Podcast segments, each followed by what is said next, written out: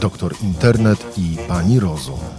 Dlaczego serce duńskiego piłkarza Christiana Eriksena nagle się zatrzymało? Czy śmierci na boisku są częste? Dlaczego przed maratonem warto się przebadać? Dlaczego piłkarz nagle pada na murawę? Skąd się biorą zawały, a nawet przypadki śmiertelne wśród biatlonistów? Pytamy doktora Patryka Hausa MD, lekarza znanego na Twitterze, ukrywającego się pod pseudonimem. Niemniej jest to lekarz z dużym stażem, lekarz ze specjalizacją z medycyny rodzinnej, ale osoba, która przez 15 lat pracowała w karetce i na sorach, robiła specjalizację z medycyny ratunkowej. Dzień dobry, panie doktorze. Dzień dobry, cześć. Powiedz mi, dlaczego, yy, dlaczego tak się stało? To ja wiem, że na to pytanie trudno odpowiedzieć, ale to już nie pierwszy przypadek, kiedy piłkarz pada na murawę, doznaje albo zawału serca, albo zatrzymania akcji serca, jak to miało miejsce tutaj. E, dlaczego tak się stało w tym przypadku, to wiesz, to mógłbym Ci powiedzieć, gdybym miał dostępną, pełną dokumentację medyczną pacjenta, nawet więc tutaj muszę się tylko opierać na podstawie tych pewnych przecieków medialnych, których też przyznam się nie śledziłem do końca, natomiast bardziej się będę opierał na swojej takiej ogólnej wiedzy medyczno-sportowej, bo to nie pierwszy e, przypadek e, znanego piłkarza, któremu zdarza się mieć e, nagłe zatrzymanie krążenia na boisku. I były to przypadki, e, jak mówię, dość znane, znanych y, piłkarzy. Na szczęście przez kilka lat do, do czegoś takiego nie dochodziło, więc mogliśmy o tym trochę zapomnieć. No właśnie, tutaj y, stało się tak, że nagle ten y, Eriksen padł i przybiegły służby ratunkowe, zaczęły go reanimować na boisku. I tutaj wywiązała się y, dyskusja na Twitterze bardzo burzliwa, w której część osób mówiła, że nie powinno się go było reanimować na boisku, nie, nie powinno się było robić tej szopki medialnej. Ty byłeś po tej właśnie stronie, mówiłeś, że to zupełnie niepotrzebne. Dlaczego? Znaczy, może ustalmy sobie od tego, zacznijmy od tego, co wiemy e, na pewno. Doszło do nagłego zatrzymania krążenia w mechanizmie migotania komór. To nagłego zatrzymanie, nagłe zatrzymanie krążenia to albo jest albo migotanie komór y, na przemian z często skurczem nadkomorowym, które prędzej czy później tak się kończy migotaniem komór, albo asystolia, czyli w ogóle brak czynności elektrycznej y, serca. Y, z tego co wiem, u Eriksena doszło do migotania komór, co się wiązało potem z odpowiednimi tam procedurami podczas jego resuscytacji. To wiemy na pewno co było powodem tego, tego migotania komór, to już jest problem e, bardziej złożony. Gdyż początkowo pewne przecieki e, medialne mówiły o zawale serca. Zawał serca jest pewną bardzo, widzieć, określoną, bardzo precyzyjną chorobą, w której dochodzi do martwicy pewnej części serca wskutek zamknięcia światła tętnicy wieńcowej, najczęściej przez e, blaszkę miażdżycową. Więc ja od początku do tej koncepcji zawału serca odnosiłem się e, bardzo sceptycznie, no, ponieważ trudno sobie wyobrazić, żeby czynny piłkarz, który codziennie gdzieś podejmuje no, bardzo na siebie wytężone wysiłki fizyczne, no, miał tak nasilone zmiany miażdżycowe e, w naczyniach wieńcowych, które nie dawałyby żadnych objawów. Owszem, dziś zawały zdarzają się u 20-30-latków, natomiast no, praktycznie się no, trudno sobie wyobrazić, żeby do tego zawału doszło od tak nagle ni stąd, ni. Chyba, że mamy do czynienia z, tak zwa, z takim e, wariantem e, choroby wieńcowej, który się nazywa chorobą Prince-Metala, który polega na tym, że przyczyną e, zamknięcia światła tętnicy wieńcowej nie jest blaszka miażdżycowa, która pęka i dochodzi do, do zakrzepu, tylko będzie w chorobie Prince-Metala. Przyczyną zamknięcia światła tętnicy wieńcowej jest e, nagły skurcz tętnicy wieńcowej, który, który zamyka światło tej, tej tętnicy. I faktycznie zdarza się to rzadko, to nie jest to częsta postać choroby wieńcowej, faktycznie wtedy też może dojść do martwicy wskutek niedotlenienia. Jeśli do, dochodzi do martwicy wskutek niedotlenienia, w przebiegu zawału serca zdarzają się faktycznie E, z zaburzenia rytmu serca włącznie z wykotaniem komór, ponieważ takie ognisko martwicy jest niestabilne elektrofizjologicznie i może właśnie powodować, jest takim ogniskiem, w którym e, do takich zaburzeń e, rytmu dochodzi. Natomiast z tego, co dowiedziałem się, przeczytałem potem, jednak okazało się, że koncepcja zawału serca upadła. No, co, co zresztą, tak, tak, tak jak mówiłem, należa, należało się tego podejrzewać, więc teraz y, poważne zadanie dla kardiologów znaleźć e, Eriksonowi chorobę, która do tego migotania komór prowadziła, doprowadziła. Z tego, co wiem, w, bo to dziś nie tylko piłkarze są dziś e, e, narażeni na, na nagłe zgony sercowe, to dotyczy praktycznie wszystkich sportowców dokonno dziś poddawanych długotrwałym, forsownym e, wysiłkom, wysiłkom fizycznym, wioślarze, kolarze, czyli po prostu tam wszędzie, gdzie się wiąże z jakimś długo, długotrwałym wysiłkiem. Najczęściej mówi się jakby dziś o tej chorobie, że jest to tak zwana kardiomyopatia arytmogenna, czyli po prostu takie mikroskopowe e, zaburzenie e, struktury mięśnia sercowego, doprowadzające do jakichś ogniskowych e, do ognisk zwyrodnienia tego mięśnia sercowego, które stają się takimi ogniska, ogniskami powodującymi nieprawidłową czynność elektryczną serca, które może do właśnie do zatrzymania krążenia w, mecha, w mechanizmie często skurczu albo mikotania komór e, doprowadzić. I tak chyba było właśnie z Mikloszem Fecherem, e, graczem Benfiki Lizbona. Tak było z Antonio Puertą, czyli graczem e, Sewilli, czyli graczami e, bardzo znanych europejskich klubów i do tych e, zatrzymań krążenia właśnie do, dochodziło do, do podczas meczów ligowych. Kolejnym takim znanym nazwiskiem zgonu sercowego wśród piłkarzy był Mark Vivien Fue, czyli Kameruńczyk, reprezentant Kamerunu. Natomiast tak jak mówiłem, teraz poważne zadanie przed kardiologami znaleźć pacjentowi e, chorobę, która doprowadziła do tego migotania komór, ponieważ e, zagadnienia właśnie tych kardiomiopatii, to nie ukrywam, to jest trochę wyższa szkoła i kardiologii, to, by, to jeśli potem będą się pojawiały jakieś kolejne doniesienia medialne, to powinnaś naprawdę doświadczonego kardiologa zaprosić do swojego programu.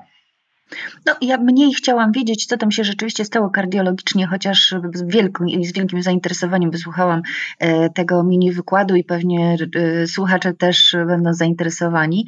Natomiast chciałam Cię właśnie też zapytać o samą akcję na boisku. Ty dość żywiołowo, jak to zwykle Ty zareagowałeś na Twitterze. Mm, nie mogę w pełni przytoczyć Twojego tweeta, ale we fragmentach, e, parafrazując go, przytoczę reanimować go na noszach, w karetce i gnać do szpitala. Po co ten spektakl na stadionie? No właśnie, po co ten spektakl? Po co go reanimować na to znaczy, stadionie? Chciałbym wyjaśnić, e, bo, bo chciałbym wyjaśnić, bo to było kilka tweetów na ten temat. Ogólnie zasady e, ratownictwa medycyny ratunkowej, ratownictwa medycznego mówią, żeby e, resuscytację prowadzić na miejscu i jak najbardziej jest postępowaniem zgodnie ze standardami zacząć, e, zacząć reanimację i prowadzić ją do końca na miejscu. To są ogólne standardy, natomiast e, e, napisałem tego tweeta z tego względu, że jednak nie była to sytuacja standardowa. Zazwyczaj do, do, do resuscytacji dochodzi gdzieś w domu, ewentualnie gdzieś na ulicy. No, tutaj jednak mieliśmy stadion, może nie wypełniony po brzegi, ale stadion z dwudziestokilkutysięczną publicznością. I ja sobie tak pomyślałem, że po pierwsze, ja, ja to nazywałem spektaklem, bo to w sensie takim po prostu całej tej otoczki, bo to jednak doszło, doszło do, w pewnym sensie do, do spektaklu, do przerwania, do przerwania meczu, do do otoczenia będzie leżącego e, Eriksena przez jego piłkarzy e, z drużyny. Natomiast mi bardziej chodziło o to, że być mając w pamięci te właśnie inne zgony sercowe piłkarzy, mając w pamięci, co może być e, najczęstszą przyczyną e, właśnie takich nagłych zgonów wśród piłkarzy, czyli właśnie takie zaburzenia a, rytmów przebiegu kardiomyopatii, ja bym ja bym sobie pomyślał, że chyba jednak większe szanse pacjent e, miałby przywieziony do szpitala. E, rzecz się działa w Danii, w Kopenhadze, więc widzieć w stolicy cywilizowanego europejskiego kraju, gdzie sądzę, kardiologia duńska stoi na. Jeśli, jeśli przyjmiemy, że kardiologia duńska stoi na, na normalnym europejskim poziomie, no to mm, ja bym takiego pacjenta nawet reanimując go na noszach, przenosząc do karetki, nawet reanimując go, go w karetce, ja bym takiego pacjenta starał się jak najszybciej e, zawieźć do szpitala, ponieważ co innego standardy postępowania w medycynie ratunkowej, czyli podawanie e, pewnych leków podczas, podczas reanimacji według standardów, a co innego jednak mimo wszystko możliwość oceny takiego pacjenta przez y, kardiologa i być może możliwość podania pewnych innych leków arytmicznych albo podawania leków w y, niestandardowych dawkach. Tutaj mieliśmy to szczęście, że y, reanimacja była szybka, szybka i skuteczna i widać było na zdjęciach, że Eriksen opuszczając stadion na noszach odzyskał już przytomność. Natomiast ja bym chyba miał w pamięci, gdzieś miał z tyłu w głowy, że niekoniecznie to ta reanimacja musiała być skuteczna. I gdyby ta reanimacja nie była skuteczna, no to byśmy mieli wtedy e, wielki problem w postaci no, zgonu pacjenta na stadionie, do, do którego na szczęście e, nie doszło. I to, było, to było, to było moim, moim, moim głównym, więc były te jakie dwa, powody napisania tego, co ja napisałem. Można było pacjenta cały czas e, reanimo, reanimować, przewodząc go, go do szpitala. Tam w tym szpitalu, mimo wszystko, pod okiem doświadczonego kardiologa i całego wyposażenia, wyposażenia szpitalnego oddziału ratunkowego, miałby jednak mimo wszystko o trochę większe szanse. A po drugie, fakt, no, że jednak nie było pewności, że się uda, bo gdyby się nie udało, to ja boję się myśleć, co by, co, co by się w ogóle potem działo w sensie jakiejś takiej otoczki, gdyby, gdyby się nie udało. Doktor Artur Zaczyński, który jest e, wicedyrektorem szpitala CSK MSWiA w Warszawie, dyrektorem Szpitala Narodowego, neurochirurgiem, ale który w czasie studiów e, i po nich jeździł w karetce, wypowiadał się na antenie TVN24 i powiedział, że no, to było prawidłowe e, postępowanie, również dlatego, że karetka to jest bardzo niestabilne miejsce, zwłaszcza jadąca karetka, do udzielania pierwszej pomocy do reanimacji. Ty się z tym nie zgadzasz? Czy tak jak powiedziałem, nie było błędu, nie było na pewno jak najbardziej błędów sztuczne, więc jak, e, nawet jak najbardziej było postępowaniem według standardów prowadzić tą e, reanimację w miejscu, gdzie doszło do zatrzymania krążenia. E, natomiast wydaje mi się, że współczesne wyposażenie karetek czyli, e, czyli respirator transportowy, czyli e, LUKAS, czyli taki aparat do pośredniego masażu serca, powodują, że według mnie nie sądzę, żeby ta reanimacja mogła być prowadzona w karetce, powodowałaby jakieś większe ryzyko jej nieskuteczności w trakcie e, jazdy do szpitala. Są to, karetkami są zazwyczaj samochody typu dożegowana, czasami nawet w postaci, w postaci kontenera. I tak naprawdę kiedyś się gdzieś w pracy śmialiśmy, że te karetki są tak wyposażone, że w pewnych sprzyjających okolicznościach e, w karetce można byłoby zrobić operację na otwartym sercu, a co dopiero prowadzić resuscytację w tej karetce, ponieważ nieraz się w mojej karierze e, zawodowej zdarza, zdarzało, że pacjent jak to się mówi w żargonie medycznym, zatrzymywał się w trakcie jazdy do szpitala, na przykład pacjent z zawałem i trzeba go było reanimować cały czas podczas, podczas jazdy karetką. To nie było tak, żeby my w tym momencie stawaliśmy, tylko po prostu kierowca robił swoje, czyli gasu gaz w podłodze i do, do szpitala na, na sygnałach, natomiast no, załoga karetki reanimowała pacjenta, żeby, żeby resuscytację dalej prowadzić w warunkach szpitalnego oddziału ratunkowego, więc nie było błędem. Natomiast biorąc pod uwagę to wszystko, co powiedziałem, mając z tyłu głowy, że mogą nie pójść, uważam, że nie byłoby też błędem, gdyby prowadząc tą resuscytację nawet, nawet no, pacjenta na, na, na noszach pod, w trans, podczas transportu do karetki dalej w karetce, żeby go dalej tam resuscytować. Od wielu lat zabezpieczasz wydarzenia sportowe w województwie kujawsko-pomorskim. To są mecze żużlowe, to są mecze piłkarskie, pewnie inne wydarzenia. Y, czy zdarzyło ci się podczas zabezpieczania meczów, że ktoś się właśnie zatrzymał na boisku, że komuś trzeba było takiej poważniejszej pomocy udzielić? E, na szczęście te nagłe zgony sportowców są na tyle rzadkie, że jedyne interwencje, które miałem podczas swoich, e, swoich prac przy obstawie zawodów sportowych, no były interwencjami związanymi po prostu z urazami typowymi dla danej dyscypliny e, sportu. Dzisiaj jesteś lekarzem rodzinnym i przypuszczam, że podobnie jak w Warszawie, e, także i w Twoich okolicach bardzo popularne robi się e, uprawianie mm, sportu bardziej intensywnie niż można by było to nazwać rekreacją, czyli pewnie i ty masz takich pacjentów, którzy nagle przychodzą i mówią chcę przebiec maraton albo e, e, porywam się na triatlon. E, czy takim ludziom też grozi taka nagła śmierć sercowa? Bo słyszeliśmy w poprzednich latach o przypadkach, kiedy maratończyk na początku biegu padł i, i umarł.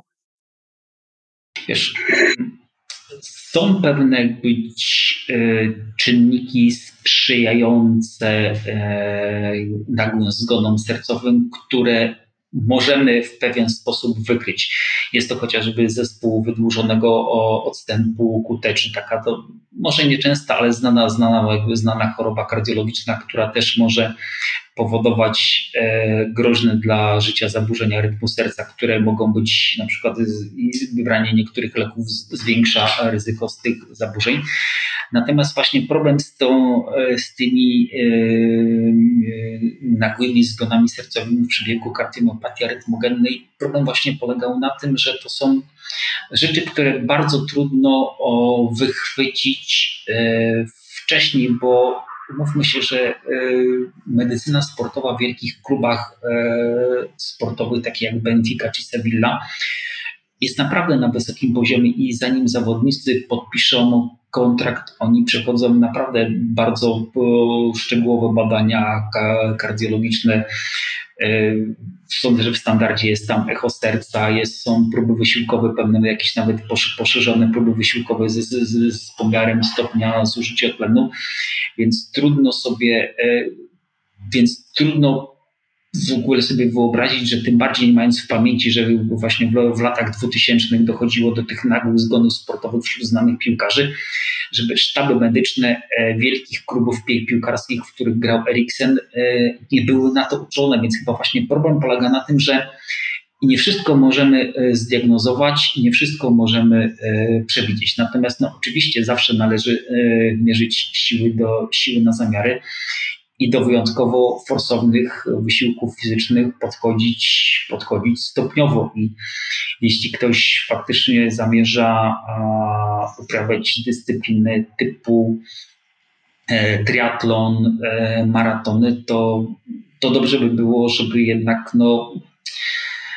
był pod względem kardiologicznym w jakiś sposób przypada, przypadany. Oczywiście, no, jeśli dotyczy to młodego człowieka, który nie ma żadnych obciążeń e, w wywiadzie, nie ma żadnego nadciśnienia, żadnych obciążeń rodzinnych, jest człowiekiem regularnie uprawiającym e, sport, to, to, to, trudno, to trudno się u takiej osoby doszukiwać choroby. Natomiast jeśli to jest osoba, która właśnie po, po 30 albo po 40 mając już właśnie jakąś chorobę, chorobę nadciśnieniową, podwyższony poziom cholesterolu, jakiekolwiek inne choroby kardiologiczne, no, powinna, mm, powinna jednak przynajmniej porady lekarza a, przed uprawianiem tego sportu zasięgnąć i oczywiście dostosować siły na zamiary i stopniowo zwiększać e, te, te obciążenia.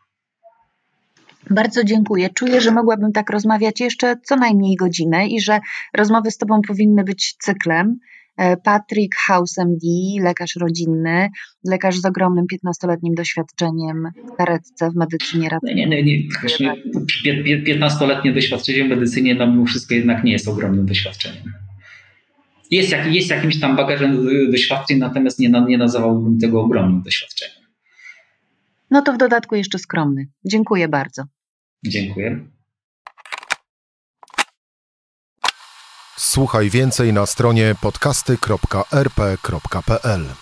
Szukaj Rzeczpospolita Audycje w serwisach streamingowych.